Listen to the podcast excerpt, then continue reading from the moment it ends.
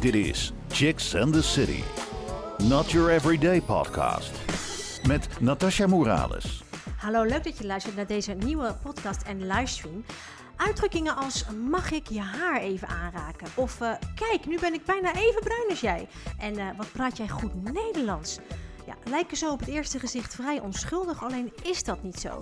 Deze zinnen zijn schoolvoorbeelden van microagressies. En een microagressie is een subtiele vorm van racisme. Het zijn goed bedoelde vragen of complimenten waarin onbewust racistische vooroordelen en samenvattingen tot uitdrukking komen.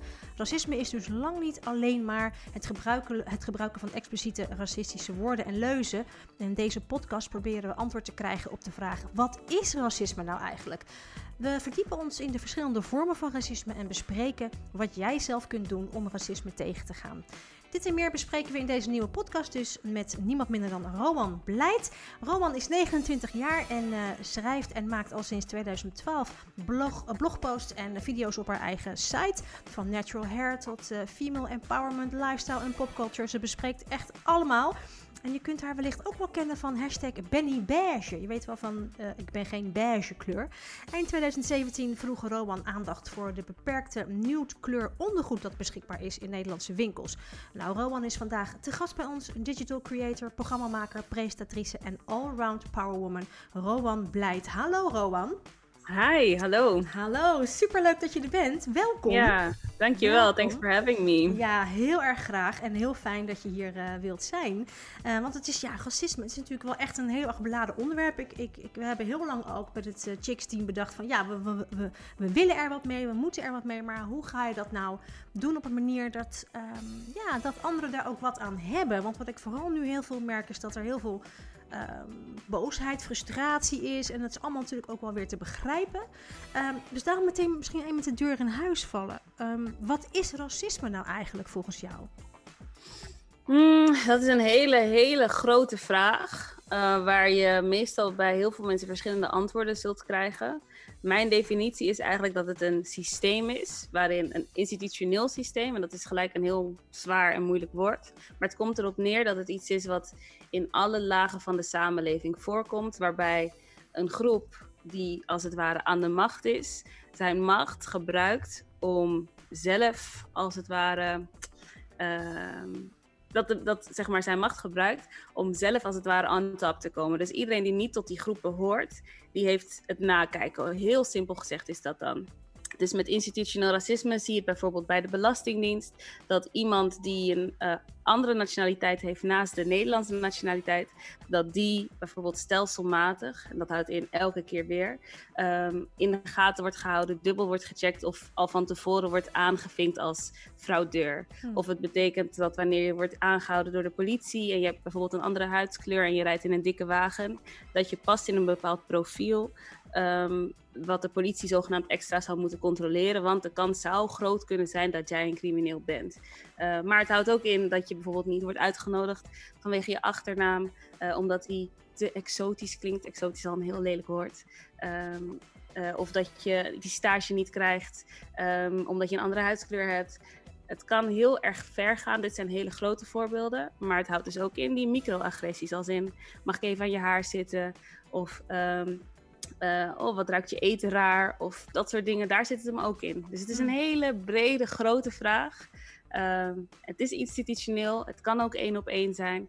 Uh, het is een heel breed thema eigenlijk. Ja, ja, ja ik snap het. Nou, daarom is het extra fijn dat jij hier uh, vandaag aanwezig wil zijn om gewoon wat meer licht te scheppen ook over dit, uh, dit onderwerp. En we gaan proberen er toch wat. Ja, we zullen nooit helemaal antwoord krijgen op de vraag, denk ik, want dat is zo'n grote vraag wat je zegt. Maar we kunnen natuurlijk wel ons best doen om te kijken of we het zo duidelijk mogelijk kunnen krijgen.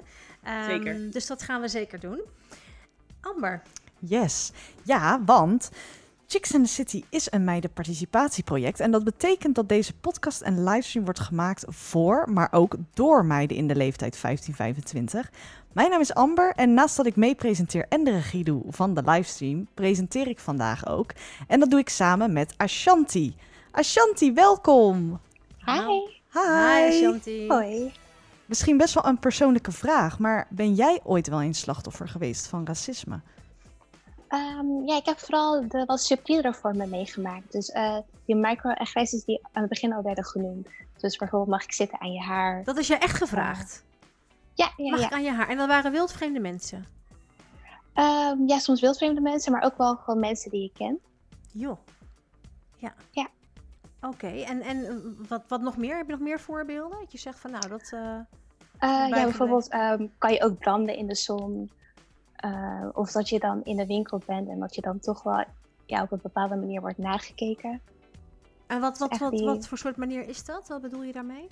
Eh, nou, toch als je gewoon even aan het... eh, soms ben je in de winkel en dan ben je gewoon even aan het kijken. en dat, je dan, dat er toch een beetje naar je wordt gekeken van... zou je het kopen of niet?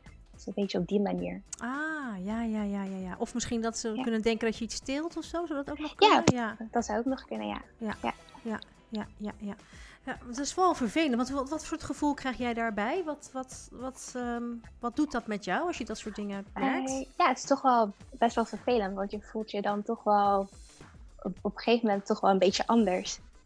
Dus je wordt dan toch wel gewezen op het feit dat je blijkbaar een beetje anders bent. ja. En vanaf welke leeftijd had je, kreeg je een beetje dat idee of dat gevoel dat je dacht van...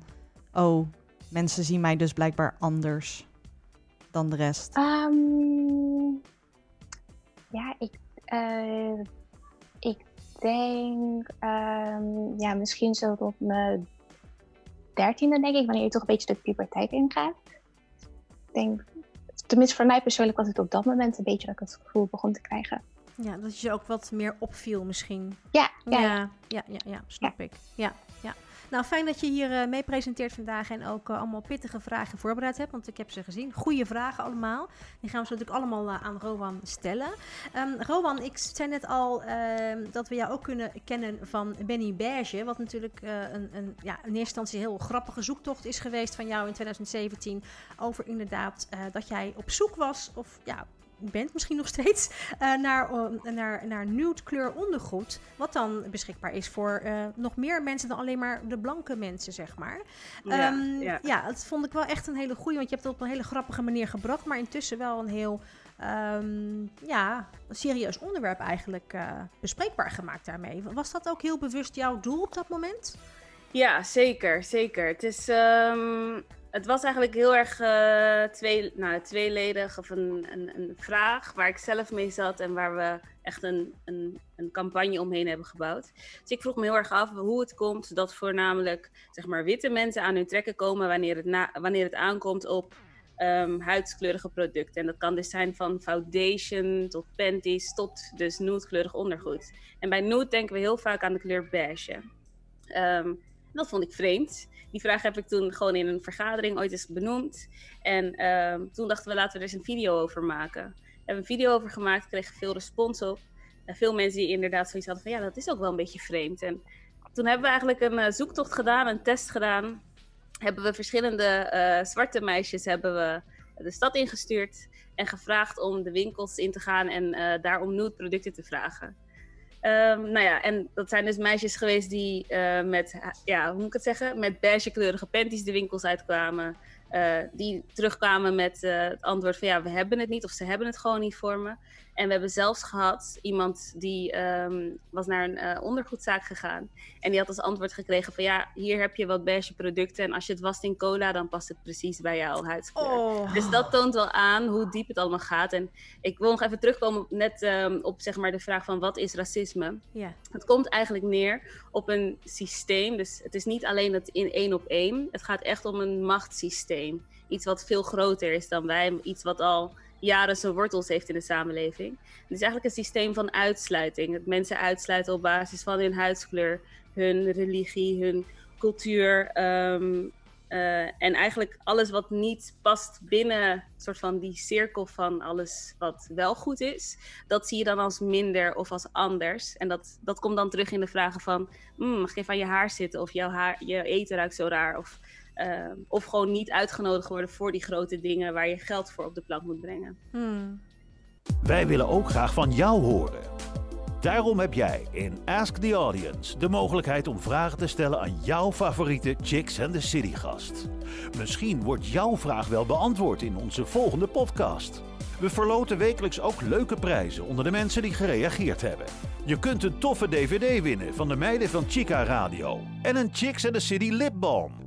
Reageren kan. Ga naar Rijmond Chicks op Facebook of op Instagram, Chicks and the City Podcasts. Wil je weten wie er de volgende keer te gast is? Check het op chicksandthecity.nl. Je luistert naar Chicks and the City. Ja, je luistert naar Chicks in the City. Hartstikke fijn dat je luistert naar ons programma. Uh, vandaag hebben we een leuke dame te gast, een bijzondere dame te gast, Rowan Blijt. En uh, wie is zij? Nou, zij is 29 jaar. Leuke dame. Zij is digital creator, programmamaker, presentatrice en allround powerwoman. Rowan Blijt dus. En vandaag hebben we het over racisme met haar. En um, volgens mij is Ashanti aan zet met de vragen. Ashanti, ga je gang. Yes. Rowan, waarom gaat jou dit onderwerp zo aan het hart? Uh, wat is de reden voor jou geweest je hier op te storten? Mm, ik denk eigenlijk voor mij, voor mij geldt heel erg dat ik er niet omheen kom. Ik ben zelf opgegroeid in Rotterdam en in Rotterdam ben ik uh, in Kralingen opgegroeid en daar groei je met allerlei culturen op, allerlei achtergronden. Dus daar had ik het niet zodanig door um, dat zeg maar, racisme zo'n groot probleem is. Iets wat we niet zo snel doorhebben. Totdat ik dus in Amsterdam ging studeren. En um, daar wat lezingen bij woonde, boeken ging lezen, nieuwe mensen leerde kennen. En het viel me heel erg op dat uh, in Amsterdam toch wel zeg maar Surinamers met Surinamers meer chillden. Of uh, zeg maar de heel veel Surinamers die in Amsterdam Zuidoost wonen. Heel veel Turkse en Marokkaanse mensen die in Amsterdam West wonen.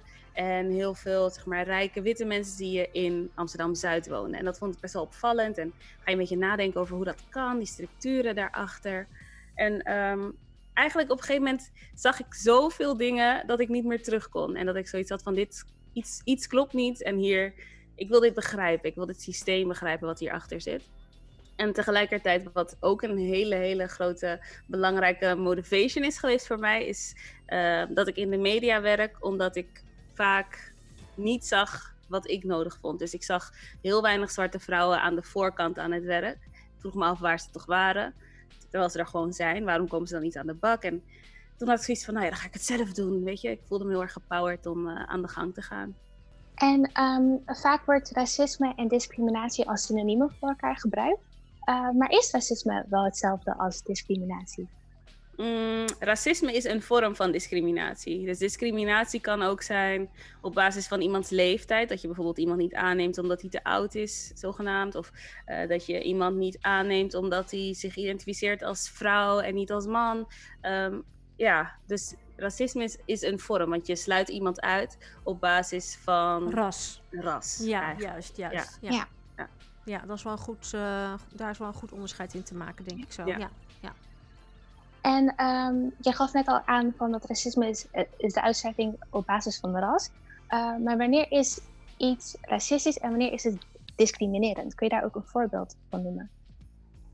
Jeetje, een voorbeeld. Nou ja, een voorbeeld is bijvoorbeeld uh, een tijdje geleden was er een uh, jonge man die volgens mij... Sorry voor de herrie hoor jongens, het is zomer in Amsterdam. Ja, tuurlijk. maar uh, even kijken, het is, racisme is bijvoorbeeld een goed voorbeeld dat er een jongen niet uitgenodigd was op een sollicitatiegesprek vanwege zijn huidskleur. En dat heeft hij ook gelezen, die afwijzingsmail. Die moest niet bij hem terechtkomen. is per ongeluk bij hem terechtgekomen.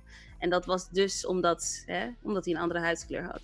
En uh, discriminatie, bijvoorbeeld op leeftijd, kan zijn dat je iemand niet aanneemt als, weet ik veel, als cashier bijvoorbeeld, omdat diegene misschien al bijna pensioengerechtigd is. En dat zou iemand zijn die je dan misschien een te hoog uurtarief moet betalen als bedrijf. Dus dan doe je het maar liever niet. En um, nu zijn er veel Nederlanders die aangeven dat ze niet wisten dat racisme in Nederland zo'n grote rol speelt. Uh, veel mensen zijn verrast. Um, hoe kan dat, denk jij? Mm, vind ik een hele goede vraag. Omdat het zelf mij uh, enigszins bijna verbaast of zo. Dat we nu een soort van frisse wind door Nederland zien gaan van mensen die het nu wel zouden begrijpen. Of zeggen het te begrijpen. Of zeggen het nu pas voor het eerst te horen. Um, ik denk dat het te maken heeft met een soort proces waar veel mensen doorheen moeten gaan. Met een heel uh, duur woord zeg je dan een cognitieve dissonantie. Dus iemand die wordt gepresenteerd met een soort nieuw idee of nieuwe feiten, maar die wil graag vasthouden aan zijn eigen feiten en eigen ideeën. En die is nog helemaal niet ready om die los te laten. Um, en ik denk dat nu de tijd rijp is dat mensen toch openstaan voor nieuwe geluiden, andere geluiden. Um, ten opzichte van een aantal jaar geleden. En waar het ook mee te maken heeft, is dat het soms niet leuk is om te luisteren naar mensen die je eigenlijk niet gelijkwaardig acht als jezelf. Dus soms mannen willen soms niet luisteren naar vrouwen. Witte mensen luisteren misschien niet graag naar uh, mensen van kleur of naar zwarte mensen. Uh, dus dan is het een beetje onaangenaam om iets aan te nemen van iemand die je niet als gelijkwaardig acht. Dat is eventjes een soort doordenkertje. Ja, ja eigenlijk toch? wel. Ja, maar Dat, is, uh, dat is iets wat je heel vaak ziet. Is dat wat bijvoorbeeld gebeurt in vergaderingen heel vaak, is dat wat we zien. als een vrouw bijvoorbeeld een idee naar voren brengt in een vergadering, dan wordt er misschien overheen gefietst. En als een man vervolgens hetzelfde zegt vijf minuten later, dan denkt men: Oh, inderdaad, oh, wat interessant. Wat een goed idee. Wow. Ja, precies. Dat, dat. En dat zie je nu eigenlijk ook wel gebeuren. Ook zeker in, uh, met betrekking tot racisme in Nederland. Is dat veel witte mensen met een platform het over racisme hebben. En dat is makkelijker te zeg maar, behappen voor mensen dan wanneer Sylvana Simon, Simons het op een rustige, kalme toon zegt. Uh, of een Jerry Afrie het op een rustige, kalme toon zegt al jaren. Um, maar dan toch worden uitgemaakt voor schreeuwers of, uh, of zeg maar op hun toon worden ze gepakt zogenaamd. Op hun toon die eigenlijk best wel kalm is, al die jaren altijd al geweest. Um, maar als bijvoorbeeld Arie Boomsma het zegt, dan is het iets makkelijker om binnen te laten komen. Hmm is dat dan ook wat ze soms tone policing noemen, wat je net ja. uitlegt? Exact, dat is eigenlijk exact tone policing, exactly. En hoe, hoe, kan je nog eens zeggen, wat, wat, wat zei je nou? Tone? Oh, tone, policing. Ja, inderdaad. Tone pleasing. Tone oh, policing. ja. En wat, wat is dat dan? Ja, wat is, de, wat, uh, wat is dat? Uh, nou, dat er heel erg uh, wordt gelet op de toon, op de manier waarop je iets zegt. Dan, ah. dan in plaats van op de boodschap zelf. Exact, inderdaad. Ja. Ja, bijvoorbeeld met Aquasi zagen, zagen we dat. Ja. Dat is een heel goed voorbeeld van toonpolicing. Wat er gebeurde bijvoorbeeld vervolgens was dat men het niet meer ging hebben over de boodschap en waarom er zoveel emotie achter zijn boodschap zit. Uh, maar men ging heel erg van hij is zo agressief en het is zo eng en mijn kinderen zijn fan en nu niet meer en ze vinden je bang, eng en ze worden bang. En in plaats van het feit dat we het eigenlijk hebben over institutioneel of systematisch uh, racisme. Hmm. Uh, wanneer ik aan uh, racisme in Nederland denk, denk ik ook uh, vooral aan de Zwarte Pieten discussie. maar kun je ook nog um, andere voorbeelden of andere vormen van racisme noemen die voor een groot deel van de Nederlandse samenleving minder zichtbaar zijn? En op welke manieren deze zich uiten? Minder zichtbaar. Nou, in Nederland moet ik zeggen dat er best wel veel is wat minder zichtbaar is. Dus het is in Nederland niet zo dat we om de haverklap weer een nieuwe naam horen. Die is, zeg maar, uh, overleden onder verantwoordelijkheid van de politie. Dat zien we. We zien het in Nederland, maar niet in die mate zoals in Amerika. Um, wat we wel zien bijvoorbeeld is dat um, er mensen van kleur of zwarte mensen eerder worden gezien door de politie, gecheckt worden door de politie. Um, dat zien we veel. We zien veel. Um, dus dat is een hele goede bron hiervoor is Control Alt Delete. Die houden dat in de gaten, de politie en de mensen, de burgers, hoe dat allemaal zit en of dat allemaal wel goed en eerlijk verloopt. Um, die zijn nu ook bezig met het een en ander. Wat is nog meer een goed voorbeeld? Goed voorbeeld is misschien um, wanneer je wordt gevolgd in een winkel, waar je het net al eerder over had. Um, Terwijl je misschien gewoon weet veel, een potje vaseline wil kopen in, uh, in een drogisterij. En dat je daar al in de gaten wordt gehouden. Um, het kan ook zijn dat iemand misschien liever niet met jou wil daten vanwege je huidskleur. Dat is voor anderen misschien niet zo zichtbaar, maar dat zie je veel. Ik moet zeggen dat ik bijvoorbeeld met, met uitgaan vroeger, toen ik nog een jonge blom was, toen zag ik veel uh, dat. Uh, wat mij toen opviel was dat um, je daar ook al verschillen zag in hoe zeg maar, meisjes van kleur of uh, donkere meiden werden benaderd ten opzichte van witte meiden. Dat is iets waar we eigenlijk nooit zo vaak over hebben, maar dat is ook wel iets wat. En wat is dan het verschil? Heb je, heb je een voorbeeld? Uh, nou ja, eigenlijk um, dat ze niet, niet zoveel benaderd werden. Dus uh, oh. ja, dat, dat is wel. Dat is iets waar ik veel ook wel met zwarte mannen over heb gepraat. Nooit mhm. eigenlijk publiekelijk over heb gepraat met ze.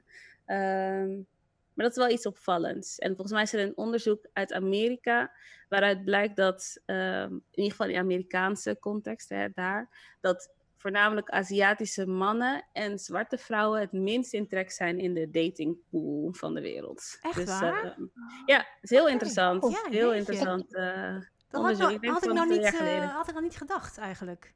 Nee, nee, nee. Nee. Dus in mijn wereld, nu, mijn huidige bubbel, is dat gelukkig niet zo. Maar ehm, over het algemeen, volgens mij was het met datingplatforms en zo, hadden ze daar een soort van eh, Onderzoek. enquête uitgezet. En dan zo erachter gekomen. Ja, Ik had daar ook nog een voorbeeld van. Je hebt ook de dating app Grindr en daar, ik weet niet of die optie nog steeds bestaat, maar ze kregen wel heel veel kritiek over de optie die ze hadden waarin je kon aangeven eh, welk, eh, met wie je liever niet wilde daten op het gebied van etniciteit. Ja, klopt. Oh, klopt. bizar. Je hebt ook mensen die het daar, die het in hun eh, bio In bio, zetten. ja, ja, ja, ja, ja, ja. klopt. Oh, Ja. Ja, ja, ja, wat bizar inderdaad, hè? Ja. God, daar heb ik nog niet over, over nagedacht. Nee. Mhm. Ja, shitje. Je luistert naar Chicks and the City. Eh, Rowan, in gesprekken over racisme komt ook steeds vaker het begrip wit privilege voorbij. Maar wat betekent het wit, eh, begrip wit privilege eigenlijk? En kun je dat misschien uitleggen? Ja, wit privilege komt er eigenlijk op neer dat zodra je ehm, een witte huidskleur hebt, dat je bepaalde voordelen geniet. Dus het komt erop neer dat ehm, eh, alles wat ik net noemde als voorbeelden van racisme of van subtiel racisme, alledaags racisme, dat je daar in ieder geval geen last van hebt zodra je een witte huidskleur hebt. Dat wil niet zeggen dat je het zeg maar als wit persoon die bijvoorbeeld uit eh, eh, met een lager inkomen dat je het niet moeilijk kan hebben. Maar het is in ieder geval wel zo dat zodra je een witte huidskleur hebt, dat je in ieder geval geen zorgen hoeft te maken over een belastingdienst die jou extra controleert of een politieagent die jou extra aan de kant houdt. Oké. En als maatschappij vinden we het ook heel moeilijk om racisme bespreekbaar te maken. En dat werd ook wel pijnlijk duidelijk eh, tijdens Voetbal Inside met eh, Johan Derksen. Mhm. Hoe komt dat? Waarom vinden we het zo lastig om over racisme te praten? Ja, omdat het iets is. ehm, ik had het net al over cognitieve dissonantie. En dat is dus die term van: oké, je wil heel graag vasthouden aan jouw denkbeelden. En dat het allemaal kumbaya is en oké is in de wereld. En in Nederland zijn we al tolerant, dus waar hebben we het over?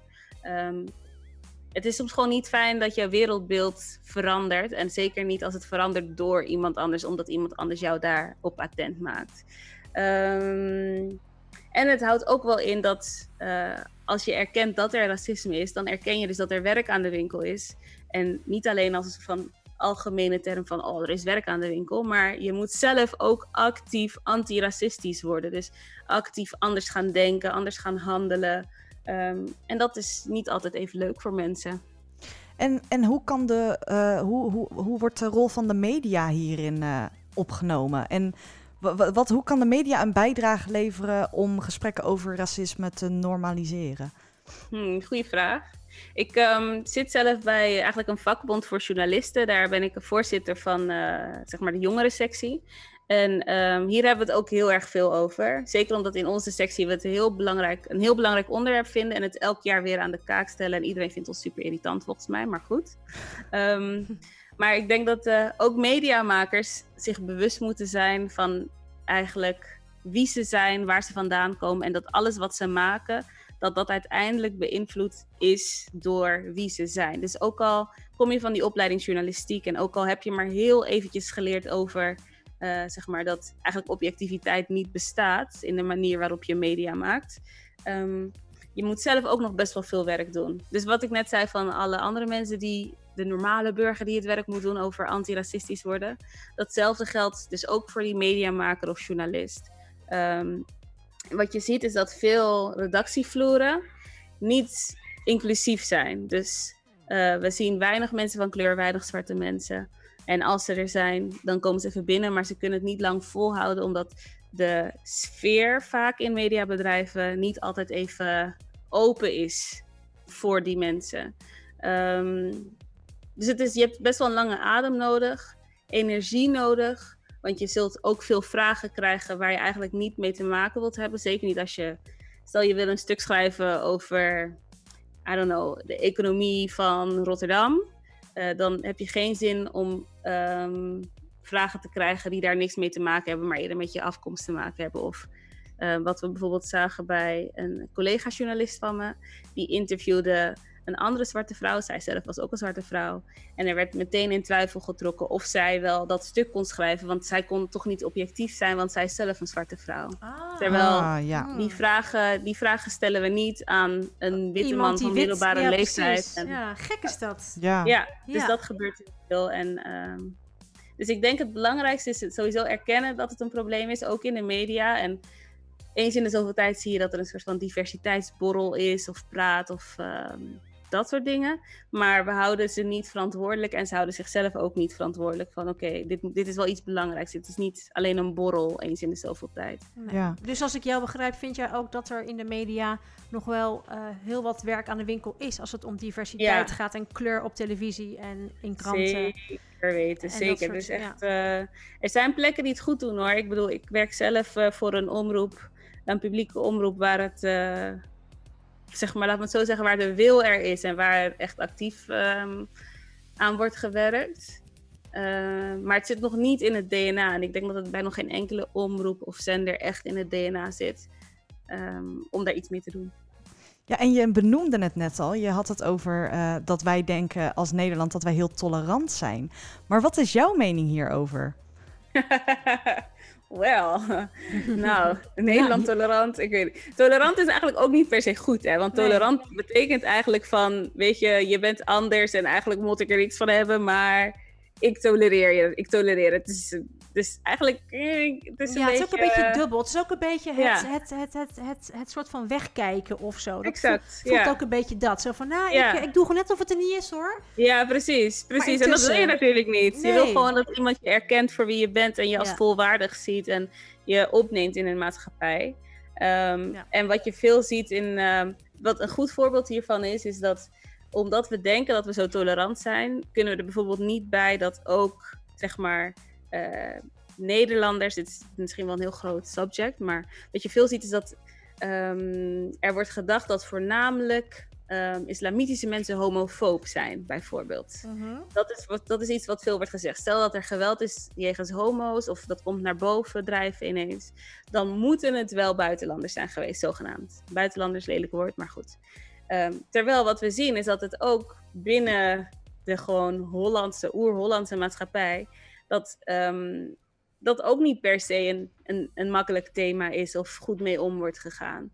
Ehm, en omdat we denken dat we zo tolerant zijn, denken we meteen van, ah, dat, dat kan niet. Dat, dat kunnen geen, zeg maar, witte Hollanders zijn. Dat moeten wel Nederlanders zijn met een kleurtje. Dat moet haast wel. Terwijl, dat vind ik wel een goed voorbeeld. En ehm, ja, wat, waar zie je het nog meer? Je ziet het echt bij best wel veel dingen. Ook met bijvoorbeeld sekswerkers zie je het ook, hoe we daarmee omgaan. Ehm, in principe mogen ze er zijn, ze mogen hun werk doen. Maar eh, de- het Nederlandse beleid van de overheid maakt het bijvoorbeeld niet makkelijk voor die mensen om hun werk te doen. Mhm. Ehm, terwijl, zo gezegd, als, als land waar alles zou kunnen, zou je dat ook moeten, beter moeten kunnen Het is faciliteren. eigenlijk een beetje schijnheilig, hè? Wel. Bijna wel, zou je Ja. kunnen zeggen.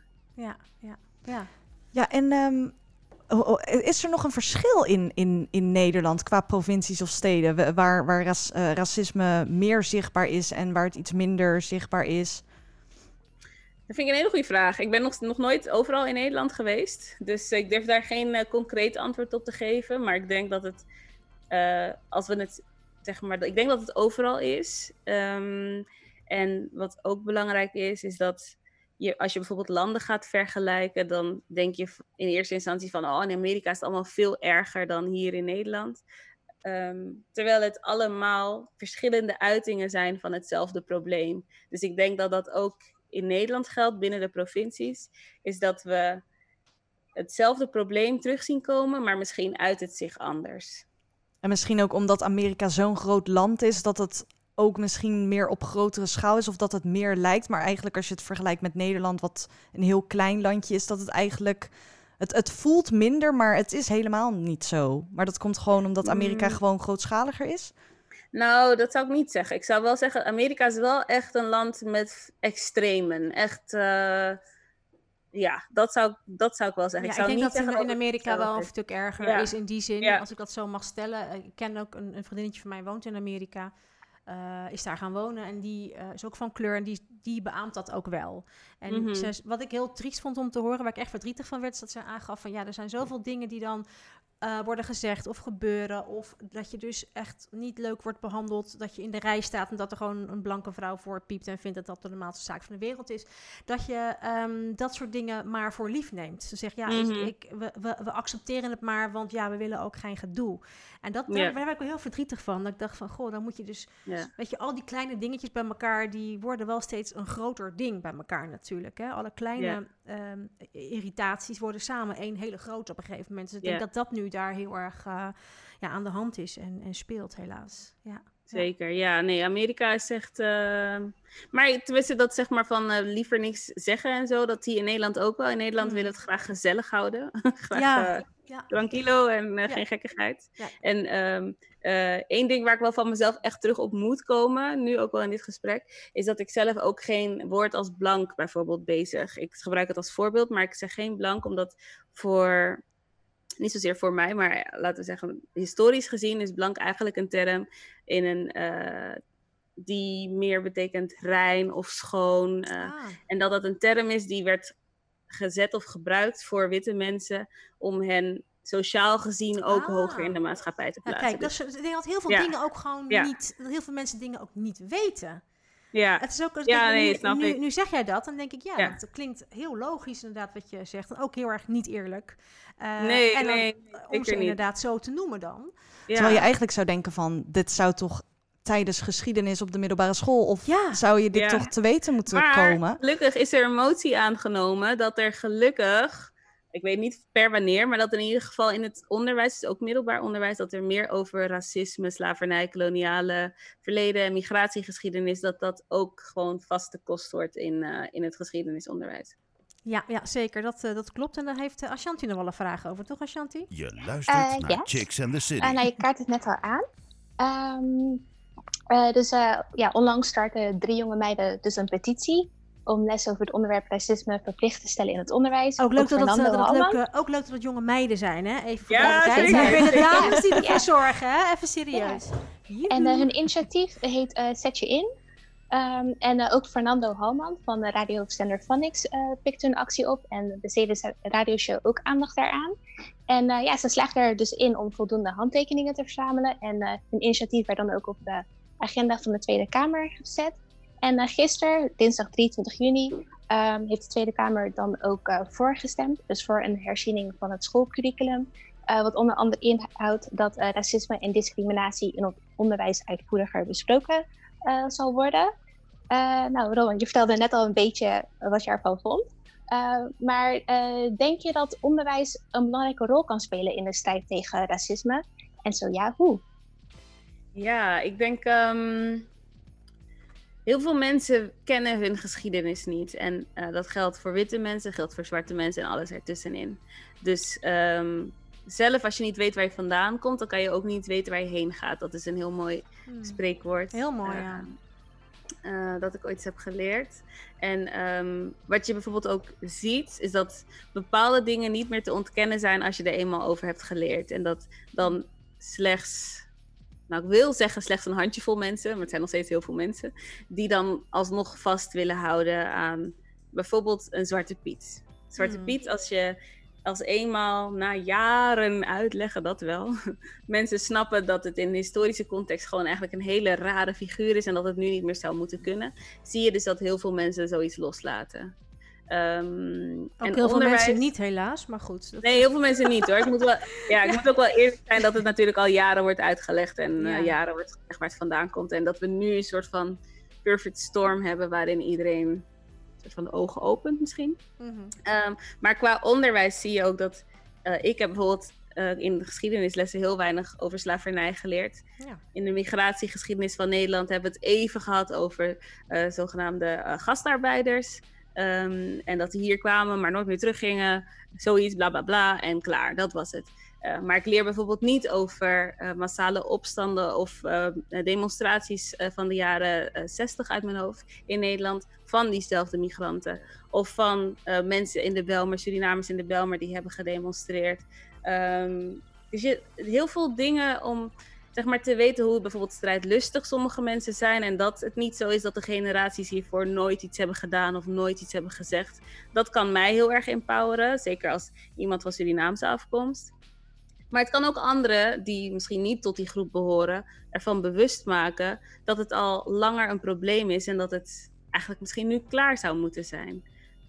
Dus ik denk dat het zeker uh, kan helpen. En, en als je dan denkt uh, aan uh, dat er dus meer aandacht op scholen moet worden besteed aan dit onderwerp. Vanaf hoe oud vind jij dat dat dan zou moeten gebeuren? Want ehm, het is natuurlijk algemeen bekend dat kinderen, zeker als ze klein zijn, hoe kleiner ze zijn, hoe, ja, hoe minder ze eigenlijk kleur überhaupt zien. Kinderen maakt het hmm. helemaal niet uit. Het wordt pas op een bepaalde leeftijd dat kinderen dat verschil überhaupt gaan merken. Al dan hmm. niet door misschien de omgeving. Um, hoe oud denk jij dat er gestart zou moeten worden? Nou, stiekem denk ik dat, het, dat je niet jong genoeg kan beginnen. Omdat je, wat je ziet voor kinderen van kleur, zwarte kindjes, is dat ze al best wel vroeg worden geconfronteerd met hun huidskleur. Hmm. En dat ze al best wel vroeg het gesprek aan moeten gaan uh, of krijgen van hun ouders of hun omgeving. Um, en dat je, ik denk dat het nooit te vroeg is om daarmee te beginnen. En dat kan al zo zijn door bijvoorbeeld subtiel te beginnen met kinderboeken of kinderverhalen voorlezen die divers en inclusief zijn. Um, en op een gegeven moment, wanneer je begint op de basisschool met uh, onderwijs over, over dan die Nederlandse geschiedenis, dan moet het echt niet zo moeilijk zijn om ook dan uh, meer verhalen of meer perspectieven mee te nemen. Om het verhaal gewoon completer te maken. Dus ik denk, um, het lijkt een heel. Het is natuurlijk een heel zwaar onderwerp, een groot onderwerp, een groot thema. Maar um, kinderen moet je echt niet onderschatten. En ook het feit dat, dat kinderen eigenlijk al best wel jong onderscheid maken tussen elkaar. Bijvoorbeeld op basis van huidskleur. Um, ik denk dat ze het wel aankunnen om het erover te hebben. Ja, dus dan zit je te denken aan al gelijk ja, pedagogisch gezien durf ik geen antwoord te geven op exact een leeftijd. Maar, maar, Jaartje of 6, 7, 4 misschien al? Ik denk dat 6, 7 dat dat niet ja. eens zo heel erg is. Nee. Maar dat is uh, mijn persoonlijke mening. En ja. uh, voor de echte leeftijd geen idee. Nee, nee, nee. Ja, precies. Je luistert naar Chicks and the City. Um, we hebben onze hele leuke gast hier in de studio, Rowan Blijt. En uh, we hebben het vandaag met haar over, ja, wat is racisme nou eigenlijk? En de verschillende vormen.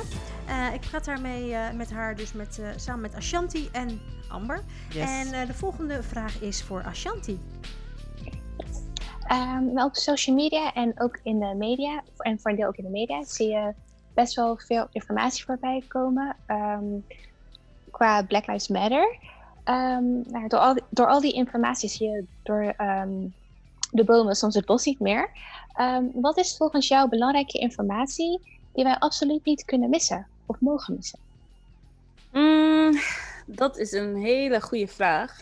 Ik merk aan mezelf dat ik namelijk zelf uh, ook veel informatie tot me krijg. Uh, en dat er veel op me afkomt. En wat ik zelf doe, wat voor, volgens mij de beste tip is om niet helemaal uh, zeg maar in overload te raken, is om af en toe gewoon offline te gaan. En um, wanneer ik offline ben geweest en dan weer online kom, um, dan kies ik heel zorgvuldig wie ik, naar wie ik wel kijk, welk profiel ik wel volg en welke niet. Um, soms dan volg ik bijvoorbeeld mensen, maar dan zet ik ze op mute, zodat ik hun dingen niet hoef te zien.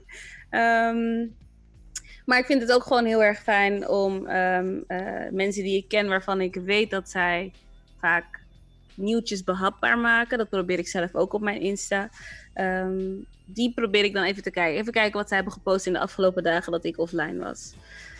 en wat me heel erg helpt, ik weet dat het voor veel mensen als een soort van uh, fossiel platform klinkt. Maar Twitter vind ik heel erg fijn. Ik, uh, op Twitter kan ik veel artikelen zien die ik heb gemist. Ik zie waar men zich druk over maakt of zich mee bezighoudt. Um, en dan kan ik voor mezelf bepalen of dat ook iets is waar ik me mee bezig wil houden of juist totaal niet. Dus Twitter helpt mij. En offline gaan en even naar mezelf kunnen luisteren. Mezelf horen zonder alle ruis. Dat helpt me heel, heel, heel erg veel. En wat zijn uh, platformen die um, ja, goede informatie geven over dit onderwerp? Um, over racisme vind ik altijd, op Insta vind ik altijd een heel leuk account, politieke jongeren. Vind ik een heel leuk account hebben. maar ook de Black Archives is een heel goed account. dat zijn nog meer goede accounts. Ehm, wat heel erg tof is om te volgen nu is het Zet Je In-account, waar we het net al eventjes over hadden, om te zien hoe die ontwikkelingen gaan. Uh, was nog meer leuk, was nog meer leuk. Ehm, op Twitter vind ik het heel erg fijn om bronnen als gewoon de basic nieuwsplatforms zoals nu.nl, NOS, RTL, die te volgen om te weten wat er hier in Nederland speelt. Um, ik vind het heel erg fijn om marketingvrouw te volgen natuurlijk. Zij geeft zelf ook cursussen over racisme of bijvoorbeeld je kind antiracistisch opvoeden.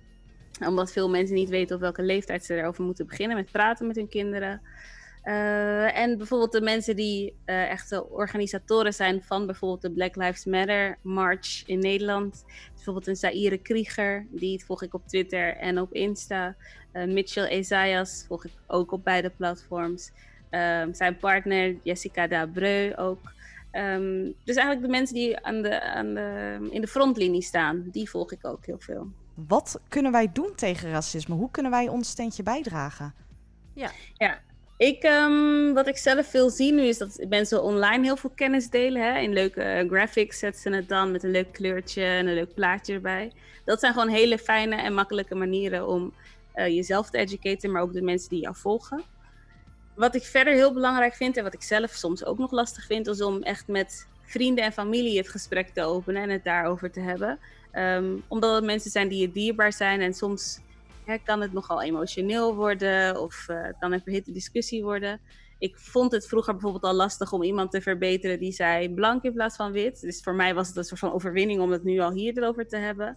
Um, maar uh, ook met collega's, bijvoorbeeld als iemand het N-woord dropt, um, vond ik dat vroeger ook nogal lastig om aan te kaarten van, yo, dit kan eigenlijk niet en uh, liever niet. Dus doe niet alleen voor jezelf het werk. Ga zelf niet alleen dingen lezen of op socials iets bekijken of op Netflix een docu bekijken of een boek lezen. Um, maar spreek ook daadwerkelijk mensen aan wanneer je ziet dat er iets gebeurt um, in je eigen kringen. Zo begin je heel erg klein en behapbaar.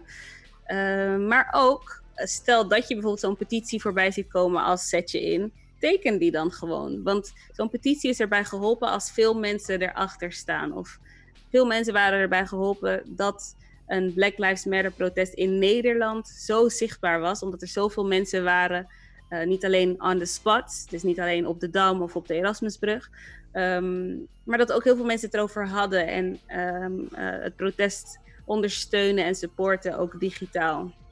Ja, en waar moet ik als witte Nederlander rekening mee houden als ik me wil inzetten tegen racisme? Ja, zoveel dingen. dat allereerst. um, ik denk dat een goed startpunt is, um, is toch wel de site Wit Huiswerk. Al weet ik niet precies wie erachter zit. Ik weet wel dat er goede dingen op staan. Um, withuiswerk.nl is specifiek gemaakt dus voor witte mensen die niet zo goed weten waar, waar te beginnen. Of die bijvoorbeeld graag aan mensen van kleur of zwarte mensen vragen van... Um, wat moet ik doen? Of uh, ik, uh, is dit racistisch? Of um, nou, gewoon als je allerlei vragen hebt, dan kan je daar terecht. En dat is een soort website, Withuiswerk. Ja, het is een website waarop allerlei werken ge gebundeld zijn van mensen. Als je bijvoorbeeld zelf um, bij jezelf te raden wil gaan, hoe je het aan kunt pakken, waar je kunt beginnen om antiracistisch te worden. Um, dus dat is een hele goede en goed startpunt. Ik denk dat een aantal accounts die ik net al heb genoemd, zoals die van, um, uh, je hebt ook nog een heel goed account dat heet Black Queer Resistance uh, Nederland op Insta. is ook een hele interessant, omdat zij veel demonstraties organiseren, maar ook veel gatherings toen het nog mocht voor corona. um, dat is een goede.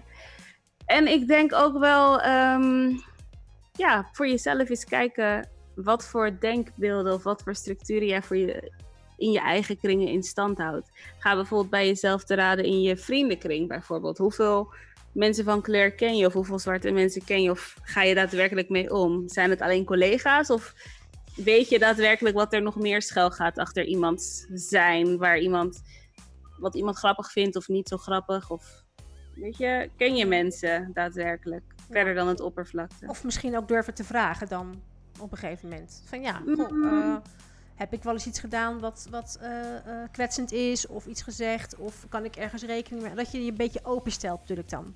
Ja, zeker. zeker. Je kan, uh, sowieso het openstellen is heel erg belangrijk. Want als je mm -hmm. je niet openstelt, dan ga je, ben je ook niet in staat om zeg maar, het werk bij jezelf te doen. Mhm. Ehm, dus het openstellen is zeker ontzettend belangrijk. Ehm, want je zult misschien ook wel moeilijke gesprekken gaan voeren met anderen. Je zult moeilijke gesprekken gaan voeren met jezelf. Omdat je erachter komt dat racisme niet per se iets is van mensen die heel lelijk zijn of heel naar zijn naar elkaar. Maar dat het hem ook zit dus in die microagressies. Of in hoe jij je, je bubbel vormgeeft. eh, in wie jij aanneemt op je werk. Het zit hem in zoveel lagen Mhm. in de maatschappij, in jezelf.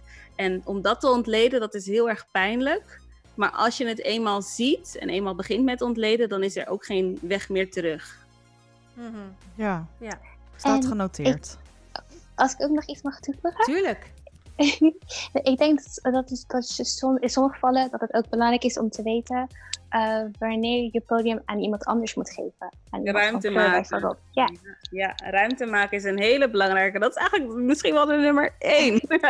Eh, om ehm, ruimte te maken voor dan die stemmen die we eigenlijk nooit horen. Dus ehm, iets basics bijvoorbeeld in de media, wat er nu gebeurt bij bijvoorbeeld, nou ja, er is één talkshow, Talkshow M, die ik het echt actief zie doen. Die nodigen nu veel meer mensen van kleur uit om te praten over niet alleen diversiteit en inclusiviteit, Maar, maar ook over- politiek. Over of dingen over- waar, zij, waar zij goed in zijn. Gewoon voor hun expertise. Niet omdat ze toevallig een kleurtje hebben.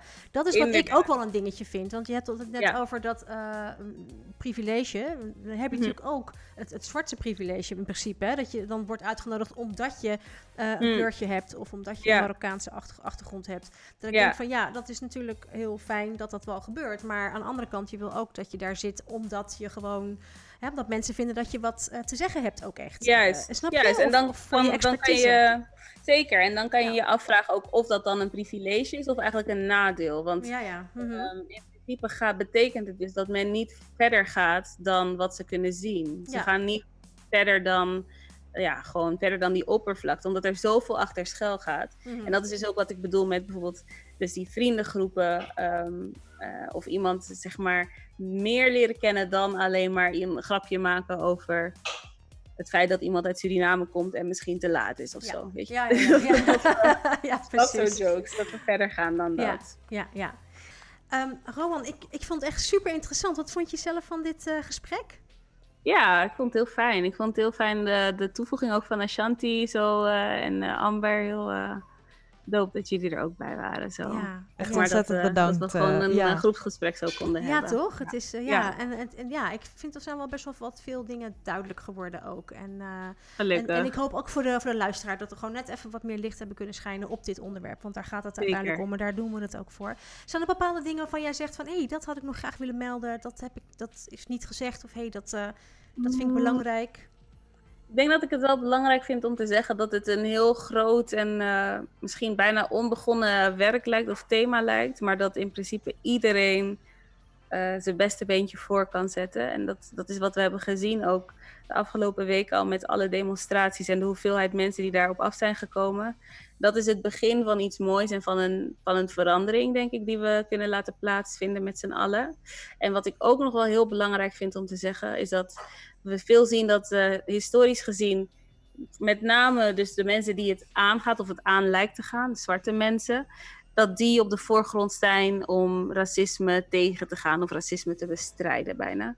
Ehm, maar dat we ook zien dat dat daardoor heel moeizaam en moeilijk gaat en dat je toch wel de stemmen nodig hebt van mensen met een platform of van witte mensen, in dat geval de mensen met macht in het racistische systeem. Ja. Ehm, dus dat het niet iets is van alleen mensen van kleur of Nee, zwarte mensen die Juist benadeeld niet, worden. denk ik dan. Precies, Nee, dat het precies. echt is van... ehm, Het is gewoon van iedereen. samen. We moeten Ja, het samen exact. doen. Het is niet eh, jij tegen zij. Het is gewoon, wij Nee. zijn allemaal mensen die exact, met elkaar ja. wonen Iemand, in dit eh, land. Ja. iemand zei het heel erg mooi. Het was ehm, dat het niet wit tegen zwart is, maar het is gewoon inderdaad wij allemaal tegen racisme. En dat is eh, denk ik heel belangrijk. Dat is een hele mooie boodschap om mee af te sluiten ook. Dankjewel, Rowan. Echt super tof. Hou ons op de hoogte van je ontwikkelingen en, en van de dingen die je doet. Echt Ja, super. ja ik, eh, op mijn Insta probeer ik eh, dagelijks, nou niet dagelijks, want soms ben ik gewoon echt offline. Wekelijks in ieder geval eh, nieuwtjes te bundelen of dingen die me opvallen. En dat ik dan in een quarantine. Dus ontstaan in, tijdens de quarantaine of de lockdown. En daar deel ik hete thee wekelijks. Ah, oké. En ehm, waar, waar, waar kunnen we jou vinden? Kan je zeggen wat, Ja. wat dat is?